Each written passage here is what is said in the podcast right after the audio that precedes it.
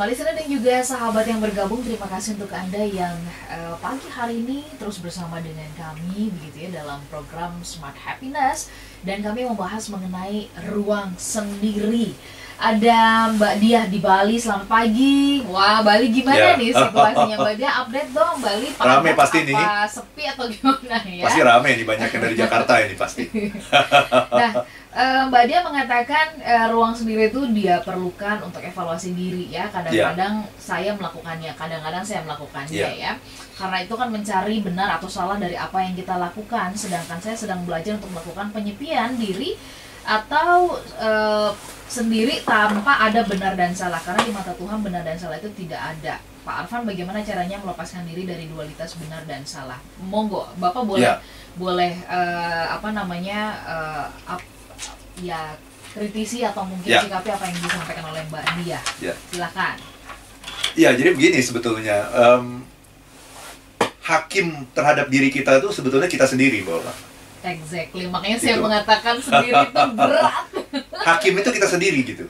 Jadi sebenarnya kalau saya bahkan mengatakan begini, kita masuk surga atau masuk neraka, itu kita udah tahu kok sebenarnya. Mhm, mhm, Itu loh, kita ini bakal masuk surga atau bakal masuk neraka. Kita udah tahu sebetulnya kalau kita duduk sendiri.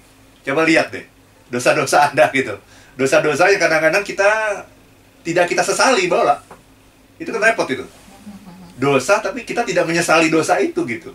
Bahkan kita mengatakan, untung saya melakukan ini gitu. Karena semua orang yang lain, orang lain juga melakukan hal yang sama gitu. Kalau saya tidak melakukan berarti saya yang bodoh gitu. Ada loh kadang-kadang yang seperti itu. Kita menikmati dosa dan sebagainya. Jadi yang paling berat dari kita berada sendiri adalah karena pelakunya kita, saksinya kita, hakimnya juga kita. Mhm. Itu Mbak Ola. Oke, betul. Jadi kita semua itu Ya. sebetulnya. Jadi eh, kita nggak bisa lari gitu ketika kita sendiri dan kita sudah tahu yang benar dan yang salah itu benar dan salah itu adalah sesuatu yang eh, universal. Oke. Beda dengan baik dan buruk ya. Ya. Kalau baik dan buruk itu itu ada faktor eh, culture di sana gitu. Mhm. Gitu Mbak Ola. Tapi kalau benar dan salah itu sudah sesuatu yang universal. Semua orang pasti tahu gitu ketika dia melakukan kejahatan itu namanya jahat, mengambil hak orang lain, eh, mer- meng- melukai orang lain. Semua orang tuh tahu itu. Jadi arti ini juga sekaligus ingin meluruskan apa yang disampaikan oleh Mbak Dia bahwa di mata Tuhan tuh tidak ada yang benar dan salah begitu ya. Ya. Oh ada, jangankan di mata Tuhan, di mata kita sendiri aja tahu kok. Saya ngambil hak orang lain. Nah, itu Nah, menurut kita benar apa enggak tuh kita Iya. mengambil hak orang lain ibaratnya begitu ya. nah kalau di depan orang kita bisa berdalih begini begitu, Iya. cari excuse. Tapi Iya. kalau di hadapan diri kita sendiri kita udah tahu Iya. kok sebetulnya. Gak usah hak orang lain deh, mungkin kalau kita bicara tentang hak orang lain itu terlalu dianggapnya mengawang-awang gitu. Kita punya pasangan terus diambil orang gitu. Iya. Nah, diambil semua pelakor kira-kira Iya. eh, apa namanya? Ya ikhlas gak, rela gak Iya, gitu ya. iya, iya. Itu kan juga sama itu hak kita tapi kemudian diambil oleh orang Betul, lain. betul. Benar nggak itu kan tidak Iya, begitu ya. Nah, Pak Arfan eh, ketika kita sendiri gitu mulai mulai untuk ke, eh, apa namanya mengeceknya ya eh, berkon di saat kita berkontemplasi terus mengurainya itu mulainya dari mana sih Iya. karena kadang-kadang pada saat kita sendiri itu saya membuktikan justru suara itu begitu ramainya Betul. ya. wah suara itu ramai sekali jadi memulainya dari mana Pak? Mulainya ya lakukan itu. Jadi eh, kita sering kali takut ya. ya Takutnya tuh i- itu nanti Iya. karena begitu kita mulai wah ada banyak sekali suara yang Betul. mengatakan kamu salah, iya kamu sudah melakukan ini dan itu Iya, gitu ya, iya. melukai orang lain dan sebagainya gitu. iya Jadi nomor satu ya lakukan aja, just do it gitu. Jangan punya target apa pun gitu. Targetnya ya saya pingin menyepi dengan diri saya gitu. Mhm. I- itu aja. Saya pingin menyepi dengan diri saya. Kalau pakai target-target yang terlalu betul ya eh, berat itu nanti pada akhirnya juga susah gitu. Iya, iya. ya. Nah, nanti sambil sendiri lihat perjalanan hidup Anda, coba flashback. Mhm, Selalu dimulai dengan flashback dulu kan, apa yang sudah kita lakukan kan. mhm. Flashback dulu nih. Hidup saya seperti apa sih? Oh, saya setiap hari berangkat kantor jam sekian, kerja, pulang lagi, terus tahu-tahu udah weekend gitu ya. Tahu-tahu udah akhir bulan da- dapat gaji gitu. Terus begitu terus kan. betul betul Ini seperti sudah seperti yang saya inginkan atau enggak ya hidup kayak begini ini ya? Mhm, mhm, mhm. Sebenarnya aku dikirim Tuhan ke dunia ini untuk apa ya sebenarnya ya? betul Gitu Pernah- kan? Kita tanya gitu kan? Mhm. Benar nggak ya? Ini ini membuat aku happy nggak ya bekerja kayak begini gitu? Kita nggak pernah nanya loh itu. Iya. Jadi yang harus disapa itu adalah diri sendiri gitu. Kita harus selalu kan sering kali kita tiap ketemu orang kan nyapa orang pasti ya. Bener nggak bola? Tiap pagi kan nyapa Selamat pagi. oh, semua orang disapa sampai sore kan gitu. Iya. Yang lupa kita sapa tuh diri kita sendiri. Nah, itu dia. Gitu. Kita harus nanya. Halo Arfan, apa kabar? Halo Ola, gimana kabarnya kamu? Gitu. Nanya sama diri sendiri. Hmm, hmm, hmm, hmm, Karena jangan-jangan kita menyembunyikan sesuatu hmm, hmm. gitu yang sebetulnya tidak ingin kita ungkapkan kepada siapa pun gitu, tapi kita simpen. Nah, itu kan penyakit sebetulnya dan itu me- mereduksi kemanusiaan kita gitu Mbak Ola. Iya. Jadi hakim yang paling adil itu adalah diri kita sendiri kok. Karena kita tahu bahkan apa yang baru kita niatkan saja kita udah tahu gitu. Hmm, hmm. Oke. Itu Mbak Ola. Dari Bali kita ke Malang ya, ada Ya. Pak Pramudia. Selamat pagi Pak Pramudia. Apakah meditasi bisa jadi sarana untuk ruang sendiri? Bagaimana cara memanfaatkannya? Ya, saya suka dengan meditasi. Ya Bagaimana betul, betul ya meditasi intinya sebetulnya adalah pada rasa tadi itu. Jadi, jadi- jadi lagunya tulus tuh bener banget gitu. Ya, rasa ya. Jadi me- meditasi kan pada rasa kan. Intinya kan pada rasa kan. Jadi sering kali kita terlalu banyak berpikir gitu. Nah dalam hidup ini kita mikir terus gitu ya. Oke. Eh, mikir tapi tidak melihat. Jadi mikir dalam konteks problem solving gitu. Bukan memikirkan mengenai siapa kita, kita mau ke mana, bukan itu gitu. Nah jadi eh, ruang sendiri itu bisa dalam bentuk meditasi. Diawali dengan meditasi bisa. Mhm. Ketika kita hanya fokus pada nafas, bernapas saja kita kadang-kadang tidak fokus gitu. Karena bernapas sudah merupakan sesuatu yang disediakan oleh Tuhan kan. Ya. Jadi otomatis. Meditasi, kemudian mindfulness itu juga salah satu cara untuk mendapatkan rasa gitu ya. Ya. Ruang sendiri juga. Eh, yoga, ah, itu juga. Yoga juga ya. Eh, tai chi juga. Intinya sebenarnya yang kita dapatkan dari ruang sendiri itu adalah sebuah kesadaran gitu. Jadi kita benar-benar sadar gitu Mhm. Sadar itu ya menyadari apa yang sedang kita rasakan saat itu, sensasinya gimana gitu-gitu. Bener-bener sadar, bener-bener bener-bener ada di sini, be here now gitu. Ada di sini saat ini. Jadi kita sadar ini bukannya kita nggak sadar, ini sadar saya sedang ada di studio Smart FM, sadar, sadar dan sa- sadar bahwa saya sedang ada dalam kekinian gitu. Ya, situasi saat ini. Nah, kita refleksi nanti refleksi apa yang sudah kita lakukan sehari sebelumnya. Jadi kalau semakin sering kita meditasi, semakin sering kita kontemplasi, semakin bagus sebetulnya. Karena kita tidak harus kan perjalanan hidup kita panjang ya. Betul. Kalau seminggu ya cukup kita lihat perjalanan seminggu ini gimana ya gitu. Tapi kalau nggak pernah nggak pernah melakukan kontemplasi kan perjalanan selama hidup ini wah panjang sekali nanti gitu. Mhm. Mhm. Itu Mbak Ola. Jadi semakin sering semakin bagus. Karena ibarat kita jalan nih. Kalau kita tersesat, ya kalau masih satu dua kilo masih gampang dong baliknya. Betul. Ya. Ini kan udah berkilo-kilo. Ini udah berkilo-kilo, udah nyasar ke kota lain gitu yang Iya. yang kita nggak pingin, kita nggak pernah evaluasi, kita nggak pernah tahu, kita pikir fine fine aja. Ya. Ya. Itu Mbak Ola. Jadi semakin sering itu kita akan semakin cepat bertindak. Dan Ketika kita tersesat, kita langsung bisa balik. langsung bisa mengambil eh, langkah Jadi cepat gitu. ibaratnya eh, pada saat eh, di ruang sendiri itu adalah eh, kita sedang mengaplikasikan gitu ya pepatah lama yang mengatakan malu bertanya sesat di jalan gitu ya. Tapi nanyanya ke diri sendiri. Hanya ke diri Nah, sendiri iya, kan, gitu Iya, apa yang sudah dilakukan bener apa enggak gitu Betul. sampai mana kalau misalkan pun salah kita jadi berani mengambil keputusan. Pak Arfan tapi eh, nanti kita sambung di sesi berikutnya Ya. ya. Apa perbedaannya ya perbedaan kita setelah kita eh, selalu mengambil ruang sendiri sama belum ya. Ya. ini kan kita supaya juga tahu ciri kita gitu kan Very good question. apakah benar kita sudah memaksimalkan ruang sendiri itu Smart Listener dan juga sahabat yang bergabung tetap bersama dengan kami ya Eh, saya paling suka sekali di ruang sendiri karena eh, di ruang sendiri satu saya bisa nulis satu saya bisa bikin puisi Iya. bisa nangis sendiri ya udah nggak apa-apa nangis Betul, betul, gitu ya, betul, mengakui betul. apa yang sudah terjadi dan sebagainya Bagaimana dengan Anda? Pasti kita nantikan di 0812 11 12 959 di YouTube channel Smart FM juga kami nantikan kebersamaan dari Anda. Kami jeda sesaat untuk satu sesi. Gaung terima kasih untuk Anda di pagi hari ini yang bersama-sama dengan kami sedang menikmati long weekend ya. Wah, pasti menyenangkan ya. Tetapi eh, saya pribadi bersama dengan teman-teman ya di akhir bulan kemarin ya di kalau tidak salah hari Selasa begitu ya Iya. kami mengambil waktu untuk berkontemplasi dan kami bertanya gitu kami itu sudah melakukan apa sih dari Januari sampai dengan Oktober Iya. semuanya kan very ordinary Betul. ordinary kan ya apalagi dengan situasi pandemi COVID-19 ini gitu. Iya, Eh, ada banyak banget ruang-ruang yang kosong, betul. kosong tapi kayaknya ada maknanya nggak sih gitu. Iya. Nah ini yang kami coba telaah eh, supaya kita tahu perbedaannya. Nah Pak Arfan, eh, bagaimana kita bisa mengetahui perbedaannya, ciri tandanya gitu ya, ketika kita eh, setelah banyak melakukan kontemplasi tadi ruang sendiri, sama yang enggak sama sekali. Iya. Em, kita bisa tanya sama orang ya, lihat ya. Sebenarnya yang paling tahu jawabannya sih kita sendiri ya. Iya. Tapi kan kita bisa menilai loh, kalau misalnya kita ketemu orang nih ngobrol nih ya. Ah kamu kurang piknik nih gitu. itu kan tahu ya ketahuan Iya, ya. iya, iya. Kamu nih kurang piknik nih.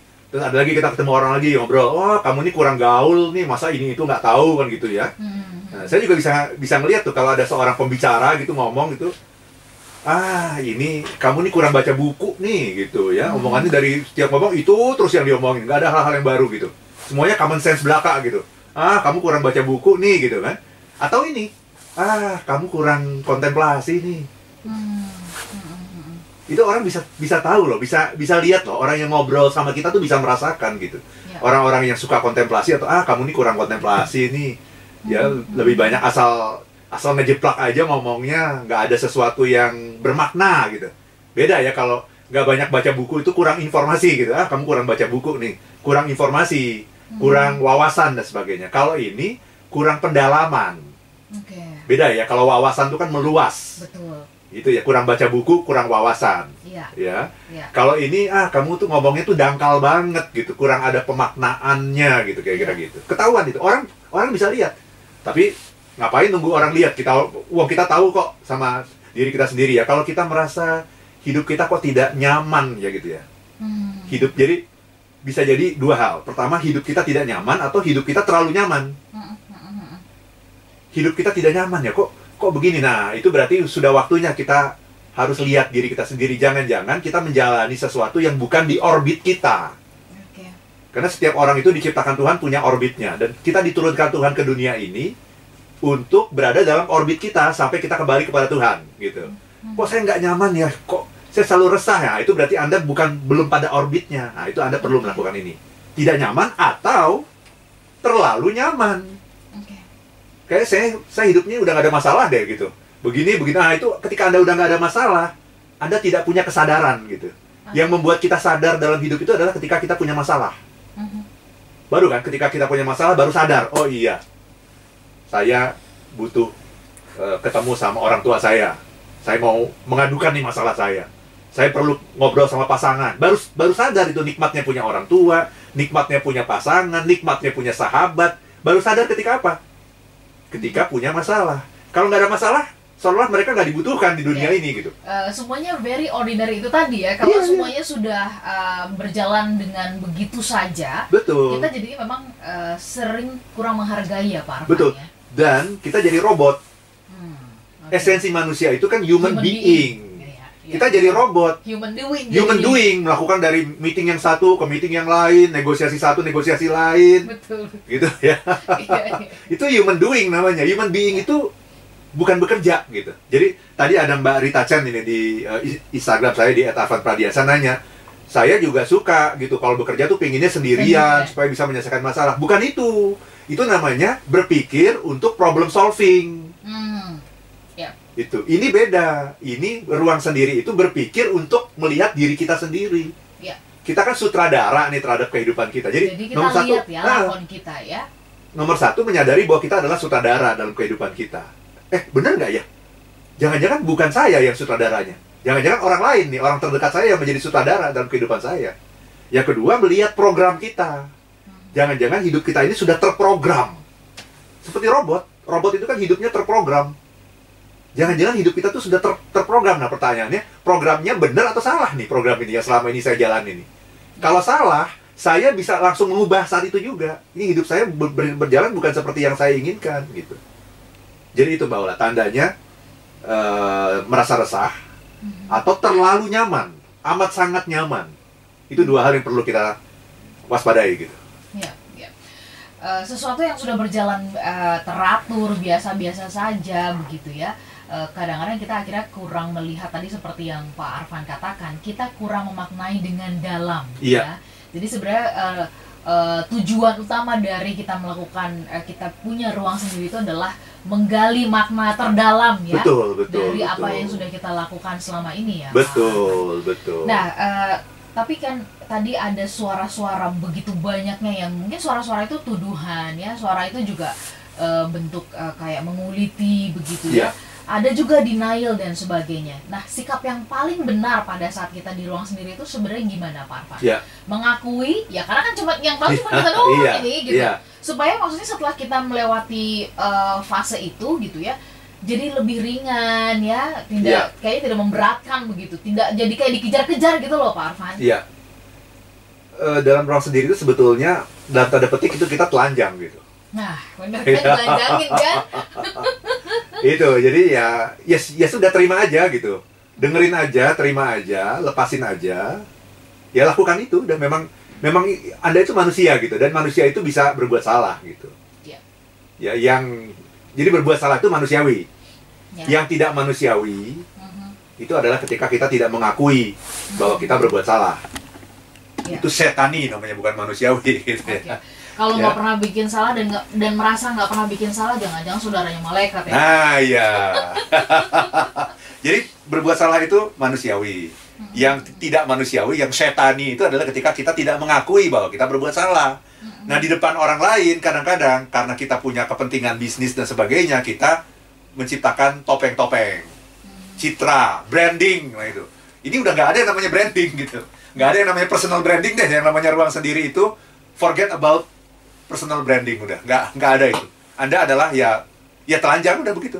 Ya, ya. gitu. Makanya kan ada lagu Eb- Ebit itu ya, ya yang yang bilang apa? Kita mesti telanjang dan benar-benar bersih. Gitu kan? Betul. suci lahir dan di dalam batin. Nah, kira-kira begitu. Abis ini mau dengerin ah. Oh ini untuk weekend ini ya kita dengerin lagu itu ini iya Ada Mbak Diah lagi dari Bali. Terima kasih sudah mengupdate ya. Mulai Bali mulai ramai di musim liburan hanya perekonomian tidak berputar karena banyak yang beralih bisnis tapi yang beli nggak ada. nah itu dia ya.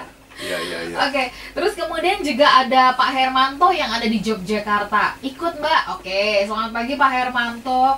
Saya selalu eh, mengambil waktu untuk eh, sendiri katanya Iya. gitu ya.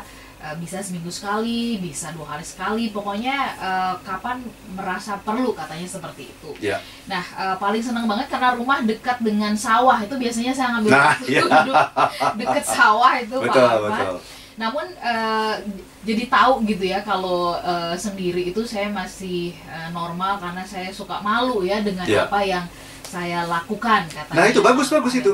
Jadi perasaan malu, perasaan bersalah itu hal yang sangat positif itu.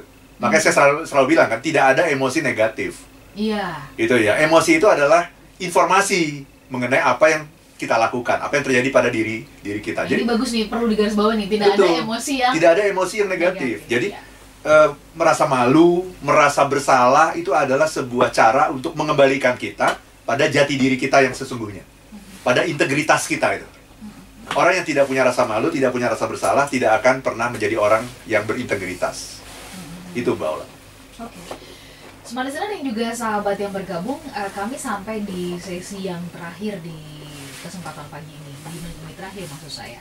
Kita butuh penguatan dari Pak Arfan eh, supaya ruang sendiri ini nggak jadi ruang kosong yang tanpa makna begitu. Iya. Apa yang eh, menurut Pak Arfan perlu di highlight ya, karena ruang sendiri ini tadi Bapak selalu mengatakan eh, ujungnya adalah kita akhirnya jadi semakin tahu tentang makna kehidupan yang terdalam begitu. Iya. Jadi ruang sendiri ini ya bukan sebuah ruangan gitu, tapi suatu ruangan yang kita ciptakan dalam kepala kita, dalam pikiran kita gitu. Ya di mana kita eh, berpikir mengenai diri kita, perjalanan hidup kita gitu. Kira-kira begitu ya Mbak Ola ya. Ya, ya. Nah, dalam ruang sendiri ini akan muncul nanti kejernihan gitu. Mhm. Dunia kita ini biasanya dunia yang sangat hiruk pikuk, dunia yang sangat bising, dunia yang sangat fuka gitu, yang sangat 4.0 gitu. Dan kita juga akhirnya masuk ke dalam situasi yang seperti itu menjadi robot-robot yang tidak bermakna gitu. Kita kehilangan pertumbuhan diri kita. Kita menjadi orang yang tidak growing, tidak flourishing gitu. Nah, untuk bisa mencapai itu, maka kita perlu ini ya mem- memberikan ruang dan ini bisa kita ciptakan setiap hari sesungguhnya dalam hidup kita. Nah, Saya ingin mengutip apa yang disampaikan oleh Einstein karena ini penting sekali nih. Bahkan orang kayak Einstein saja mengatakan seperti ini gitu. Ya. Dia bilang begini, when you are still, it is the moment little by little when you realize a lot of things. Dia bilang begitu. Ketika kita sedang eh, diam, hening, gitu ya, itu adalah sebuah waktu sedikit demi sedikit kita akan menyadari begitu banyak hal dalam hidup kita. Ketika kita sendiri, kita menyadari begitu banyak hal dalam hidup kita itu. Ya, when, when you realize a lot of things. Hal-hal yang tadinya sulit, hal-hal yang tadinya complicated, rumit, kelihatan sederhana loh ketika kita sendiri. Itu bahwa Jadi ini uh, sama halnya dengan ketika kita melihat sebuah lukisan abstrak kalau kita lihat dari uh, dekat gitu ya, Iya. kita nggak bisa melihat. Nah, ketika kita mengambil ruang sendiri, ini sebenarnya kita sedang melihat dari kejauhan. Betul. Kita bisa melihat, kita menjadi pengamat iya, iya. dan yang di mana-mana pengamat itu pasti lebih pintar daripada pemain. Betul kan? Iya. pengamat bola pintar banget itu. Suruh main bola belum tentu kan begitu. Baik. Jadi Anda harus jadi pelaku, Iya. tapi juga waktu-waktu tertentu jadilah pengamat. Terima kasih Itu, Pak. Fan untuk kesempatan Jumat ini ya. Mudah-mudahan eh, long weekend kita jadi semakin bermakna. Minggu depan kita akan jumpa kembali siaran ulangnya di hari Minggu jam 7 malam. Saya Nurlija. Dan saya Arfan Pradiansyah. If you wanna be happy, Be be happy now.